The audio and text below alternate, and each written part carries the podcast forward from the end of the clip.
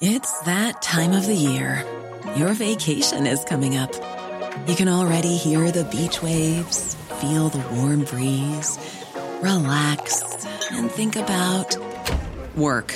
You really, really want it all to work out while you're away. Monday.com gives you and the team that peace of mind.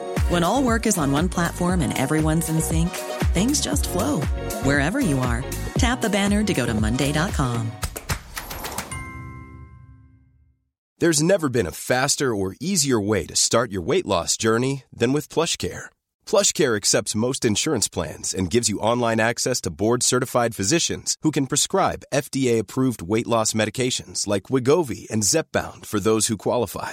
Take charge of your health and speak with a board-certified physician about a weight loss plan that's right for you. Get started today at plushcare.com slash weight loss. That's plushcare.com slash weight loss. plushcare.com slash weight loss.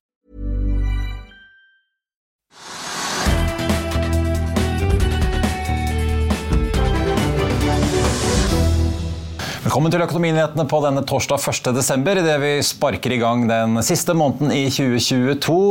I dagens sending så blir det mer om Skipsteds aksjesalg i Adevinta. Vi skal snakke boligmarkedet med sjefen i Norder, og vi serverer deg også andre ferske nyheter som har preget dagen, inkludert at det ikke bare er i offshorerederiet Doff der aksjonærene vender seg mot styret og ledelsen. Det skjedde også i bioteknologiselskapet Nordic Nanovektor i dag, og mer om det får vi straks. Hovedveksten har hatt to dager med oppgang nå. Den la på seg 0,28% i går og endte dermed november måned opp 3,85% etter en oppgang på solide 6,6 i oktober. Og I dag vi, ligger vi fortsatt opp nesten en halv prosent, men det har svingt litt. Vi har vært i rødt territorium også, så vi får se hvor det ender. Men det ser altså ut til å ende med en pen oppgang i dag også. Rundt hos Europa så er børsen grønne med unntak av Storbritannia i dag, der vi ser at eh, London-børsen er svakt ned. Og Futures til Wall peker også mot en ny oppgang etter den kraftige oppgangen som eh, Jerome Powell, sentralbanksjefen, sparket i gang da med sin tale i går. Og i november så endte da Dow Jones-indeksen opp 5,7% SMP 500 opp 5,4 mens Nasdaq da karret seg oppover 4,4% etter at vi også der så et solid rally da i oktober måned til det som har vært et relativt krevende år for mange investorer. Oljeprisen tikker også oppover i dag. Nordsjøoljen opp nesten halvannen prosent til 87,80 i spotmarkedet. Den amerikanske lettoljen like bak med en oppgang på 1,2% til 81,50. Det skjer jo da like før eh, OPEC-møtet, som eh, skal sparkes i gang 4.12. Det blir da et videomøte, skal vi tro rapportene. Men det har skjedd andre ting i dag som også ser ut til å drive oljeprisen.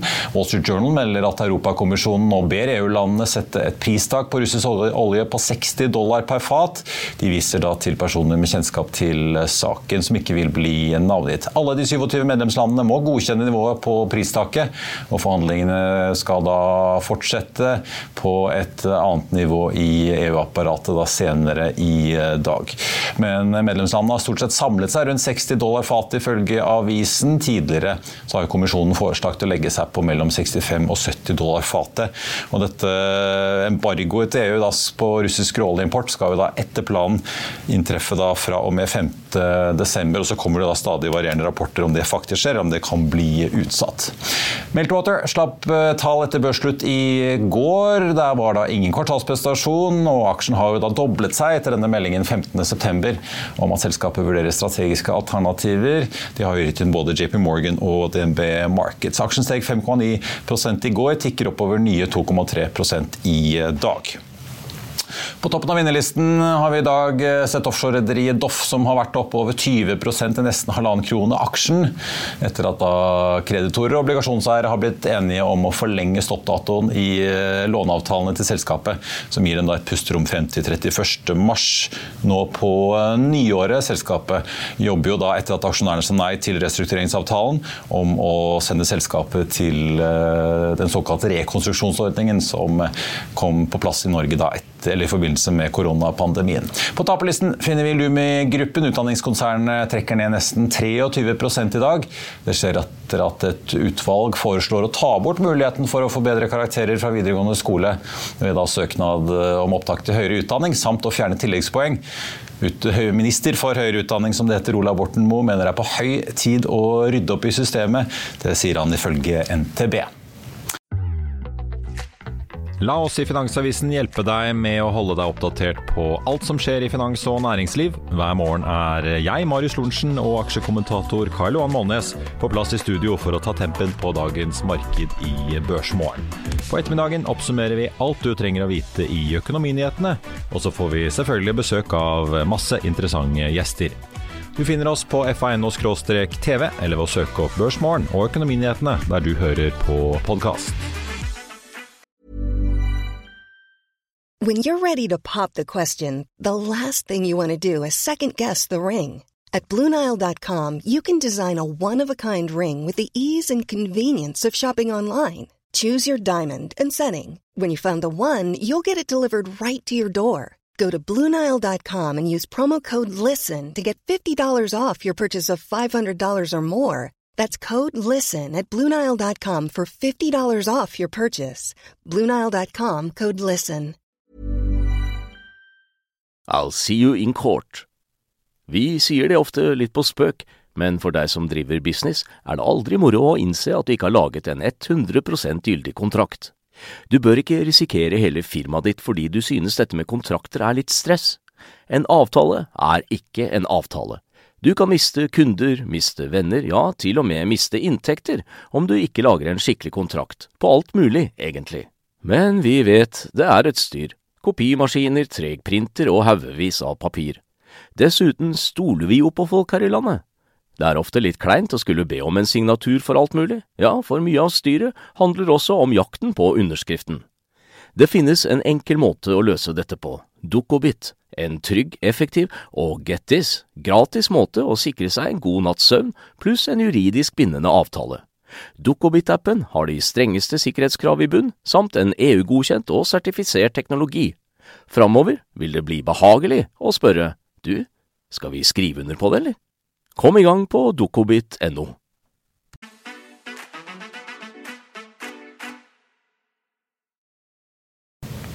Norse Atlantic er ute med litt nyheter om distribusjonssystemet sitt. De melder at de har inngått et partnerskap med amerikanske booking.com. Norse hentet jo nylig 300 millioner kroner i en rettet emisjon. Den aksjen tikker oppover så vidt 0,2% i dag.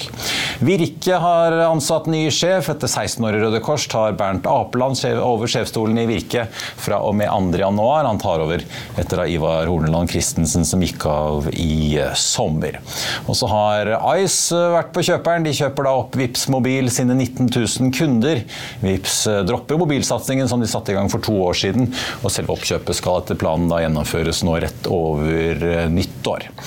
Ice ble da tatt av børs etter oppkjøpet fra kraftkonsernet Lyse, og Ice har over 735 000 mobilkunder i det norske markedet. Så må vi til det store aksjesalget som preger listen over de mest omsatte aksjene i dag. I går ettermiddag kom nemlig varselet, og i natt kom bekreftelsen på at Schibsted gjør sitt første nedsalg i Adevinta. Spin-offen med den da internasjonale rubrikkvirksomheten som tidligere var en del av mediekonsernet. Schibsted selger 2% av eierposten på 33% til da 70 eh, kroner aksjen for 1,7 milliarder kroner. De inngår også en salg- og tilbakelånsavtale, såkalt TRS-avtale, med Danske Bank for ytterligere 3 prosentpoeng av av eierposten sin. og Den får en innløsningskurs på 77,25. Det er det samme som sluttkursen i går. Forfallet i avtalen med Danske Bank blir da 6.12. Eh, neste år. I tillegg varsler eh, Kristin Skogelund, konsernsjef i Skipsted, at de i tillegg da, til å bruke pengene som de får fra aksjesalget på å kutte gjeldsgraden i Skipsted, også skal kjøpe tilbake inntil 4% av aksjene i eh, Skipsted. Skipsted-aksjen er i dag opp 5 har svingt litt, men har ligget solid i pluss stort sett gjennom hele dagen. Adevinta er ganske mye ned. Det begynte litt eh, med en litt mer forsiktig nedgang. Nå har vi ned 9,4% og ligger nå på salgskursen til Skipsted eh, på 70 kroner blank aksjen. altså. Den endte jo da i går på 77,25. Nedsalget det var jo ventet, for ikke bare har vi og andre snakket om at dette kunne skje, men selskapet skrev jo også i sin siste kvartalsrapport den 27.10 at da Skipsted i tillegg til å selge Lendo hadde andre ting å selge for å bedre balansen sin, inkludert inkludert et potensielt salg av Adevinta-aksjer. Men Skipsted skrev også at de ikke planla å selge på nåværende kurser, som på det tidspunktet var rett over 70 kroner aksjen. Nå har de solgt til 70 kroner likevel, og i Børsmorgen i morges spurte vi Nordea-analytiker Kristoffer Pedersen om hva dette egentlig sier oss. Ja, man skriver jo sjelden at man har tenkt å selge når man uh, gjør det, da. Uh, men uh, samtidig så har jo Kursen har jo vært litt sterkere i Adevinta i det siste, da, så sånn sett så er det kanskje et greit tidspunkt. og så frigjør de også en del likviditet til både nedbetale gjeld og også kjøpe tilbake egne aksjer. da. Så Vi mener jo det her er en eh, fornuftig transaksjon. Skipsted har jo handlet på en høy rabatt på, på underliggende verdier, så da syns vi det er bedre å heller selge litt advinta-aksjer og, og, kjøpe tilbake Skipsted-aksjene. Hvorfor tror du de gjør denne splitten mellom at de selger noen aksjer direkte, inngår TRS eh, som da skal vare til er det 6.12. neste år eh, på en annen andel her, og ikke Er det fordi at de ikke klarer å selge unna alt dette med en gang, eller? Det gjør jo avhenger litt mindre i det korte bildet. Samtidig så beholder de eksponeringen mot Adevinta over det neste året. da. Så eh, de er jo fortsatt veldig positive på, på Adevinta. Så jeg tror det er en kombinasjon der av at du eh, får inn cash i dag, pluss kan beholde eksponeringen over det, over det neste året. da. Eh, og så har de jo hatt og så har de hatt en grense på 3% maksimumsalg uten at eBay kan, kan selge noen aksjer. Eh, så sånn sett så på en måte omgår det kanskje litt eh, det også at eBay eh, eventuelt kunne solgt noen aksjer. I går så snakket også Jerome Powell, sentralbanksjefen i USA, opp uh, Wall Street opp uh, kraftig. og Mange har jo da gått og ventet på to viktige nøkkeltall, eller får vi si tre, som skal komme da før rentemøtet i Washington, hvor vi får resultatet av 14.12. Det ene er jo sysselsettingstallene som kommer i morgen da for november måned. Det andre er to inflasjonstall. Det ene kommer da dagen før rentemøtet i USA, den 13.12. Det andre kom nå klokken 14.30, og det er de såkalte PCE-inflasjonstallene. Det var da ventet at uh, tallene skulle vise et fall fra oktober til november fra 6,5 6,2 til 6 blank ifølge Demi Market, så det endte de også på. Og de endte også på forventning på kjernen, som var ventet å tikke ned fra 5,1 til 5% blank da, mot samme periode i fjor. Og det endte vi da også eh, på. Ser at Futures Ball Street eh, peker fortsatt i grønt etter tallslippet. Nå skal vi til Biotek. Aksjonærene stemte ikke for styrets forslag om å slå sammen Nordic Nanovektor med trondheimsbaserte Apim Therapeutics. Det kom frem i en melding like etter klokken tolv i dag. Aksjen er opp nesten 4 i dag. Det har vært, betent, eh, det har vært en betent konflikt mellom selskapet og flere aksjonærer i det siste, etter at forslaget om en fusjon som en slags redningsplan for selskapet kom på bordet da i november. Vi har vært i kontakt med selskapet i dag, der ledelsen ikke overraskende er fortvilet over utfallet utfallet av avstemningen på den ekstraordinære generalforsamlingen. Nå skal styret i selskapet samles for å vurdere alternativene mannen har. Men i påvente av flere nyheter om hva som skjer, så tenkte jeg vi skulle spole tilbake til mandag. For da var fungerende administrerende direktør og finansdirektør Marlene Brondberg her på besøk i Økonominyhetene og fortalte om hvorfor hun og styret ønsket denne fusjonen. Men vi spurte henne også om hvordan en avvikling eller andre alternativer ville se ut. Bare se her. Ja, ja, Det kan jeg jo forstå, men hva, hva, kan du sette et tall på hva det alternativet ville vært? da? Hvis du ser i regnskapet deres per andre kvartal, så, så sitter dere igjen med ca. 100 millioner kroner per andre kvartal. Og så skal dere jo da ha en del kostnader involvert til å avslutte paradigmestudien. Ja, Det seneste vi har kommunikert, det er at vi vil ha ca. 70 millioner før transaksjonskost, som er ikke kommentert øh, kost. Um, og derfor, la oss så si at man så skulle, skulle det, oppløse det hele, så har vi jo, vi jo fortsatt, eller avviklet, vi har jo fortsatt uh, et forskerteam nå. Vi har jo fortsatt et rett stort laboratorium også, uh, som har, håndterer øh, radioaktivitet også. Og det koster jo å, å legge alt det ned. Uh, og det vil jo også koste f.eks. Å, å komme av, avvikle seg på, på Oslo Børs. Mm. Så det er en rett dyr prosess. Så det der er tilbake, det, det er ikke mye. Så derfor øh, Nei, så selv om du kanskje hadde fått noen penger inn ved å selge de patentene og det dere sitter ja, igjen med, så Ja, og det er jo ikke, det er jo ikke mye. Og, det, og, grunnen til at man også kan si det, det er jo selvfølgelig hvis et stort farmaselskap har sett det som en opportunity å komme inn og ta det opp, øh, så har de selvfølgelig gjort det. Ja. Det, er den, det er den prosess som har vært utrolig grundig med de øh, pluss 25 øh, selskaper. Så det er ingen store farmaselskaper som er interessert i å komme inn her? Og, nei, altså han, og som strengt tatt kunne tatt seg råd i et dårlig aksjemarked til å ta en del sånne tidlige kandidater? Nei. Ja. nei. Da skal vi til dagens gjest, som jobber i et selskap som Siri så langt i år har solgt mer enn i hele 2021. Men var ikke bremsene på for fullt i boligmarkedet nå, da? For å høre mer og få en spådom om hva boligpristallene på mandag eh, kan komme til å fortelle oss, har vi fått besøk av konsernsjefen i eh, si, boligbyggeren Norder, Andreas Martinussen. Velkommen. Tusen takk. Kanskje du skal begynne litt med det, da, for de som eh, leser Finansavisen eh, hver eneste dag. Kunne de for et par uker siden lese om dere, og at uh, dere så langt da i år har solgt Dere har 3100 boliger under bygging.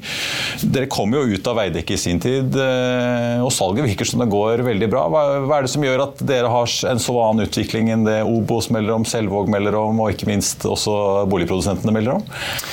Det er et godt spørsmål. Det er sikkert uh, flere ting. Um, og noe av det er sikkert litt tilfeldigheter også. Med at, uh, sånn, ja. ja. eller at vi har vært uh, heldige og fått regulert prosjekter i sånn som Oslo. En av de store dragerne for dette gode salget er jo Grønvoll-kvartalet på Helsfyr i Oslo. Og der vet vi at det er et, altså i hele Oslo by strukturelt underskudd på nyboliger og det bygges for lite. Og så har vi vært en av de få som har klart å få ting gjennom den velkjente reguleringskverna ja, eh, i Oslo. Det er det ikke alle som har det siste. Langt derifra. Nei, og vi har stoppet opp for mange, rett og slett, i hvert fall hvis du er i småhussektoren. Ja, ja da har det vært uh, bråstopp. Ja. Men selv for de andre som uh, er på større leilighetsprosjekter, så vet vi jo nå at det tar i snitt fem og et halvt år å få et uh, boligprosjekt regulert. Og klart Da blir tilbudet for lite. Og da ser vi at selv i et tregere marked som nå, at gode prosjekter med god boligmiks og riktig priser, ikke minst, det selger fortsatt veldig bra. Så der var det jo da 48-49 solgte boliger av det trinnet på 101 boliger mm. i dagens marked for bare 14 dager siden, som du sier. Men dere opererer jo i Norge og Sverige. Sverige er dere også, vidt jeg skjønner, da, i Stockholm, Göteborg og Malmö. I Norge er det også de store byene som gjelder? I Norge er det de fire største byene som gjelder. så Det er Oslo, Bergen, Trondheim og Stavanger. Og Hvor langt ut av Oslo trekker du liksom Oslo-radiusen, eller hva du skal kalle det? Nei, vi pleide å si I gamle dager var det kirkespirprinsippet. Ja. Så har vi kalt det e-up, eller elbilprinsippet. Men ja. det var riktignok for noen år siden, for da gikk elbilen eller e-upen ca. 60 km ut og så tilbake igjen. Ja, ikke sant? Så du kom så, til Drammen? Eller så du kom til Drammen ja. Så det er, det er, det sentrale østlandsområdet uh, som er vårt uh, fokusområde. Men hva ser, hva ser, dere nå, da? Det, det, blir jo veldig anekdotisk når man hører folk fortelle, altså folk som er i markedet fortelle at de selger. Eh, men det virker som mange opplever at eh, det tar lengre tid. Altså ikke, selv i Oslo så det ikke, virker det ikke som alle får napp med en gang på boliger de legger ut i bruktboligmarkedet, riktignok. Men mm. hva er det dere ser av liksom, tegn til hva som skjer nå? Nei, det vi ser, Markedet bremser helt klart, så vi skal ikke legge skjul på det. Men kanskje mer enn noen gang, i hvert fall så lenge jeg har vært i bransjen, så er markedet veldig veldig todelt. Jeg vil si nesten bipolart. Så det er de gode objektene. Eh, de selger. De selger raskt, de selger på gode priser. Ja, men hva legger du det? Er det beliggenhet eller kvalitet i selve boligen, eller litt av begge deler? Eller? Litt av begge deler. Ja. Det er helt klart at det må være beliggenhet først og fremst, som er helt avgjørende. Og så er det selvfølgelig at kvaliteten også er god, men eh, det er jo litt problemet i Oslo, hvor tilbudet er så lavt at da handler det mer om at man må klare å få seg et sted å bo. Eh, og dermed så ser vi også i det markedet som har vært de siste årene, så har jo alt solgt uansett om kvaliteten er veldig god eller mindre god. Du er villig til å lempe på en god del eh, krav rett og slett bare for å komme deg inn? Eller? Og prisdifferensiatoren på det som er veldig bra og det som ikke er fullt så bra, har også vært ganske liten. Der tror jeg markedet kommer til å straffe mye hardere de ikke så gode prosjektene med mindre gode beliggenheter. Og så tror jeg at de gode beliggenhetene med god kvalitet i prosjektene, det kommer til å, fortsette å gå veldig bra. Ja, for Er det litt sånn last in, first out? altså Det siste som bygger sin oppgangskonjunktur, er det første som ryker når det blir nedgangstider? Nei, jeg vil egentlig ikke si det. Jeg vil si at igjen, eh, markedet har slukt unna alt. Eh, har det vært fire vegger og tak, så har man fått solgt på gode priser. Mens nå har kjøperne bedre tid.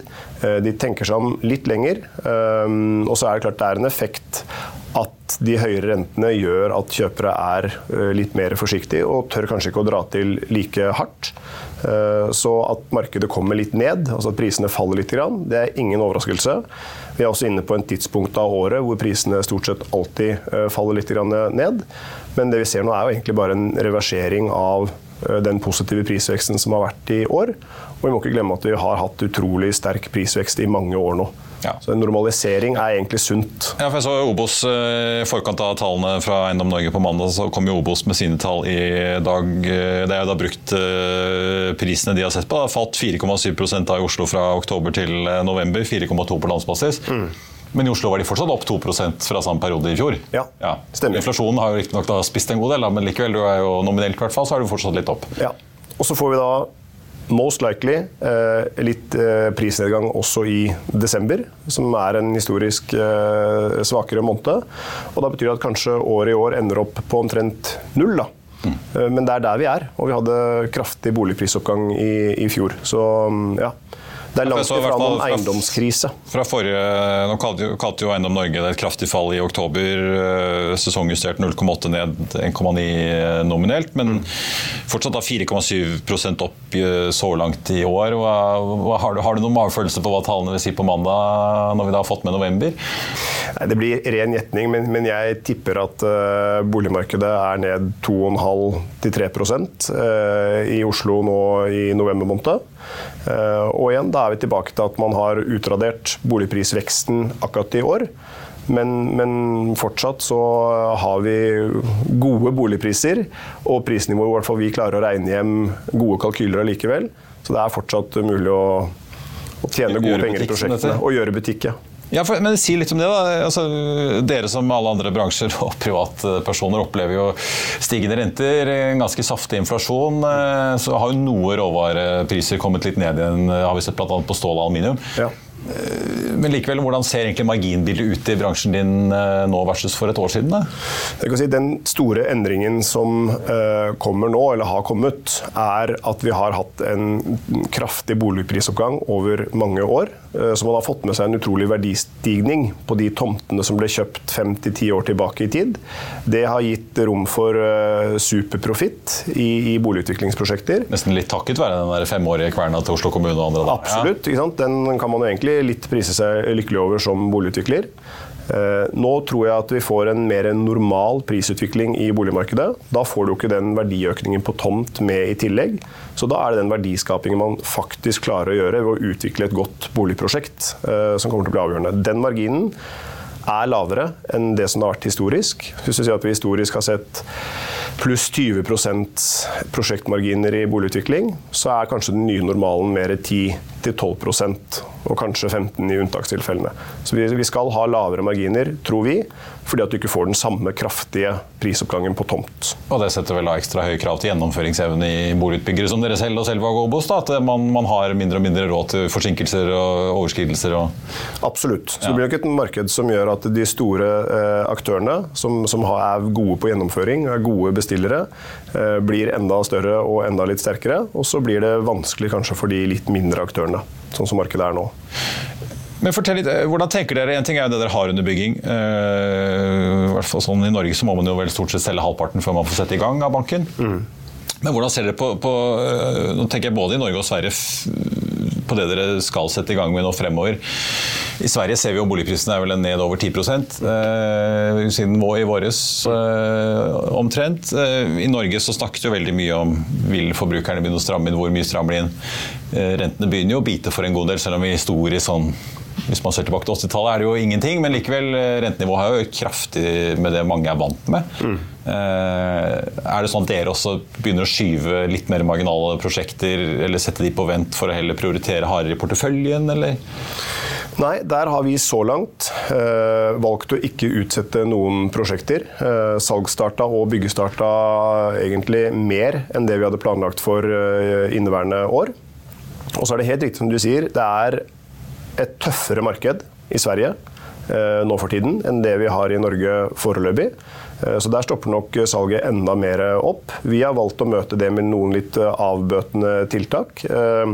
Trukket fram verktøykassa, bl.a.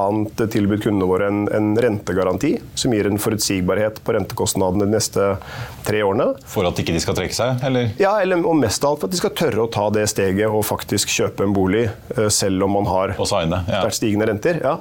Eh, og det ser vi at har fungert veldig veldig godt. Så mens en del andre har nærmest stoppa helt opp, så ser vi at selv i Sverige eh, så selger vi eh, ja, Fra at det var nesten null, så selger vi 5-10 boliger i uken. Så hjula ja. fortsetter å rulle, og det er positivt.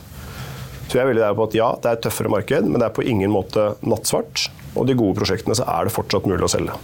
Men sånn som eh, det stigende rentenivået gjør det at det er vanskeligere for dere å kjøpe opp tomter og bli sittende med det. Dere må jo betale for denne altså finansieringen for å ha dette på eh, bøkene deres? Da. Ja, jo da, og man har helt klart fått en økt finanskost uh, i, i, prosjektene våre når vi setter opp kalkylene våre.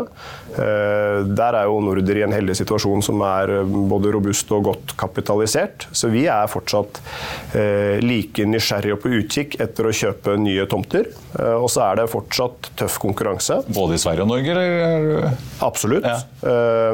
og jeg syns at både i Norge og Sverige så er også konkurransen fortsatt om tomter ganske skarp. Ehm, så det tyder jo på at aktørene ser ikke nattsvart på dette. Eh, jeg tror at vi er forberedt på et 2023 som blir noe eh, tøffere. Men tar man på litt mer enn tolvmånedersbrillene og velger å se inn i 2024, så er vi ganske trygge på at markedet er tilbake mot slutten av neste år, og at vi i 2024 er tilbake på godt gammelt tempo. Og risikoen ja, for er jo Du må vel egentlig tenke hva forbrukerne gjør i 24 og 25, når dere nå sitter og bestemmer om dere skal gå videre med tomter eller ikke? Og, ja. Absolutt. Ja, og vi må tenke enda lenger fram. Ref det at i Oslo ja, tar, det, prosess, ja. tar det fem og et halvt år å regulere. Men, men eh, jeg mener at et av de virkelig lyspunktene i forhold til og hvorfor sånn som Grønvoll-kvartalet på Helsfyr har solgt så bra, det tror jeg at selv om husholdningene er eh, litt kall det negative, pessimistiske på vegne av egen økonomi i det korte bildet, type 6-12 måneder, så tror jeg pga. det lave eh, boligtilbudet i de store byene, veldig få synes å tro at boligmarkedet er lavere i f.eks. Oslo om to til to og et halvt år enn det det er i dag. For det er den horisonten du har når du kjøper en nybolig i dag, så skal den bygges i løpet av to til to og et halvt år. Og der tror jeg fortsatt de aller fleste føler seg at så bra som norsk økonomi går nå, så er markedet tilbake. Og jeg mener risikoen er eh, på oppsiden. at eh, fordi at en del prosjekter stopper opp nå, mange utbyggere utsette prosjekter.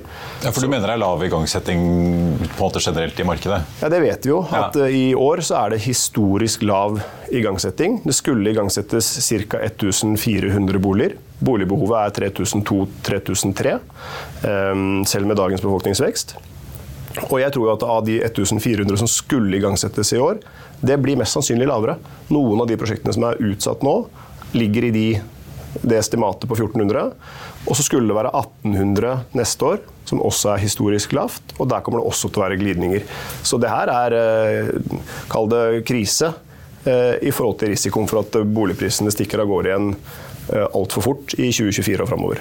Til slutt, bare spørre, Er det store skiller mellom i og med at dere er til stede i de store fire norske byene, er det store skilnader eh, mellom eh, dem? nå? Oslo har jo historisk ofte vært liksom jokeren hvor det har vært helt vanvittig prisoppgang i enkelte år. Men hvordan ser det ut nå? Er liksom den optimismen som du snakker om i Oslo, er det noe til stede i Bergen, Stavanger og Trondheim? Sånn på sikt, at folk fortsatt tror at prisene skal, i hvert fall om ikke stige kraftig, i hvert fall holde seg noenlunde om to, tre, fire år?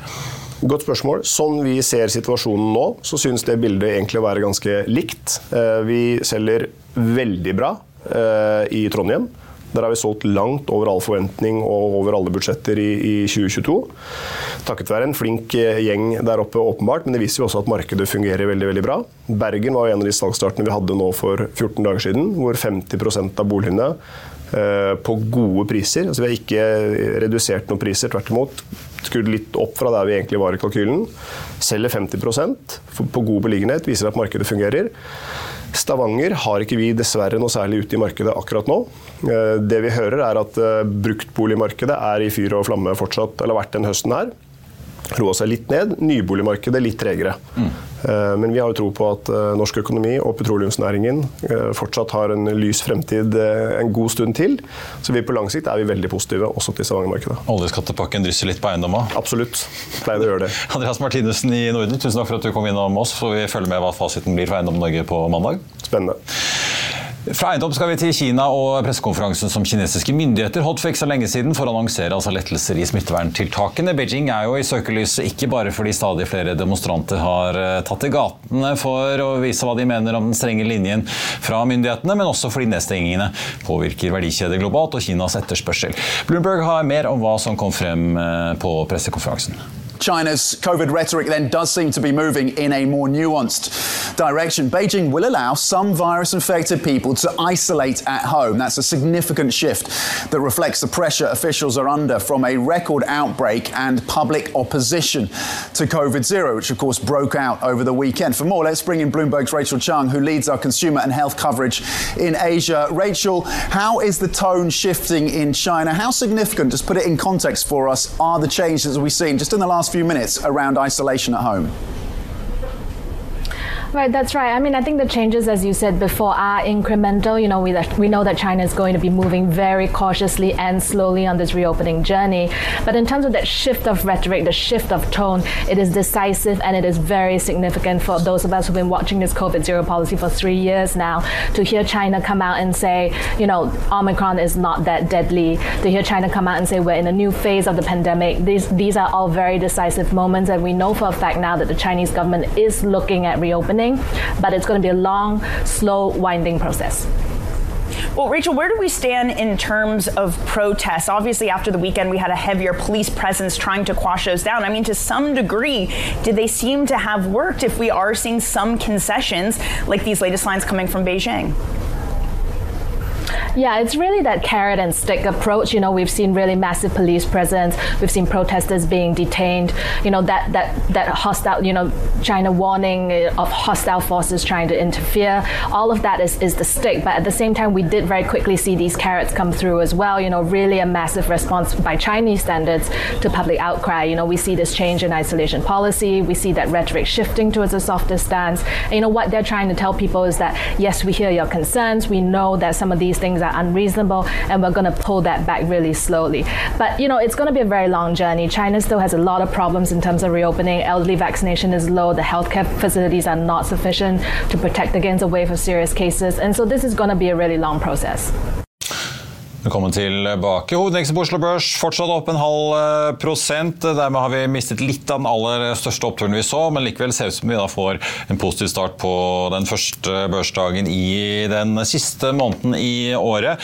Advinta ligger nå ned 8,8% til 70 kroner og 45 øre. Skipsted solgte da aksjer for 70 blank her for 1,7 milliarder. Og så har de da i tillegg inngått TRS-avtaler som utløper desember neste år med Danske Bank på 77,25, som var sluttkursen i går. Skipsaksjen stiger rundt 4,7 1,7 hvis du ser både på A- og B-aksjen på nyheten da, om at de både selger aksjer eh, og da også får redusert gjeldsgraden sin, og også planlegger da et tilbakekjøp på inntil 4% av aksjene i selskapet. Kjapt tur innom eh, flyaksjene. Flyr ned 1,6% ligger fortsatt da på litt over 0,6 øre aksjen med denne emisjonskursen på 1 øre aksjen. Konkurrenten Norwegian ned en halv prosent. Norse Atlantic opp 0,2 da, etter meldingen får vi si i dag om at de inngår en avtale med Booking.com. Nordic Nanovector, der aksjen er aksjonærene også vendte tommelen ned for fusjonen med et uh, selskap i Trondheim, som var en slags redningsplanke da, etter at paradigmestudien uh, måtte uh, droppes. Den aksjen er opp 4,6 så får vi jo da se hva styret i selskapet nå vurderer er realistiske alternativer for veien videre. XXL-aksjen, der kom det jo en annonsering om ny sjef i går. Den er opp 0,4% i dag. Ellers er det jo verdt å merke seg Autostore, som har jo fått mye etter meldingen om at først konsernsjefen og deretter finansdirektøren i selskapet takker takket for seg. Den er opp til 5,5 i dag. Meltwater stiger også, var jo opp over 5 i går. Stiger nye 3% i dag da etter kvartalstallene som kom etter stengetid i går.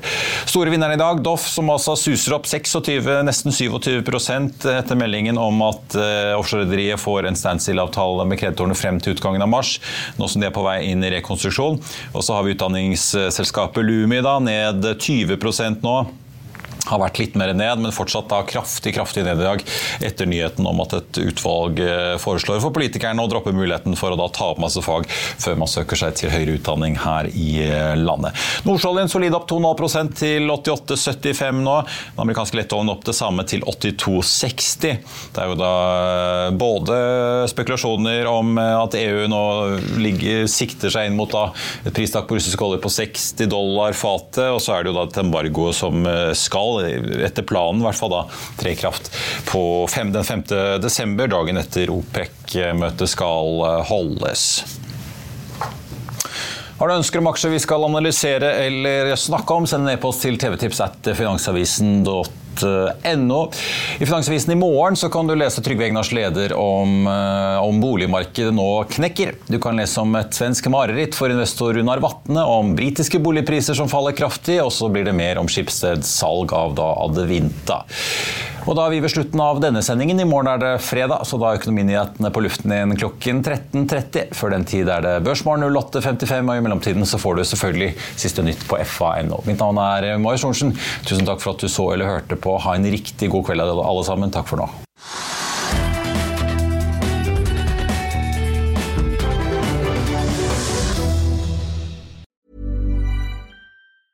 Hey, it's Danny Pellegrino from Everything Iconic.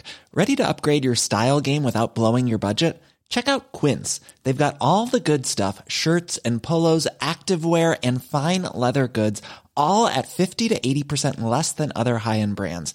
And the best part? They're all about safe, ethical, and responsible manufacturing. Get that luxury vibe without the luxury price tag. Hit up quince.com slash upgrade for free shipping and 365 day returns on your next order. That's quince.com slash upgrade.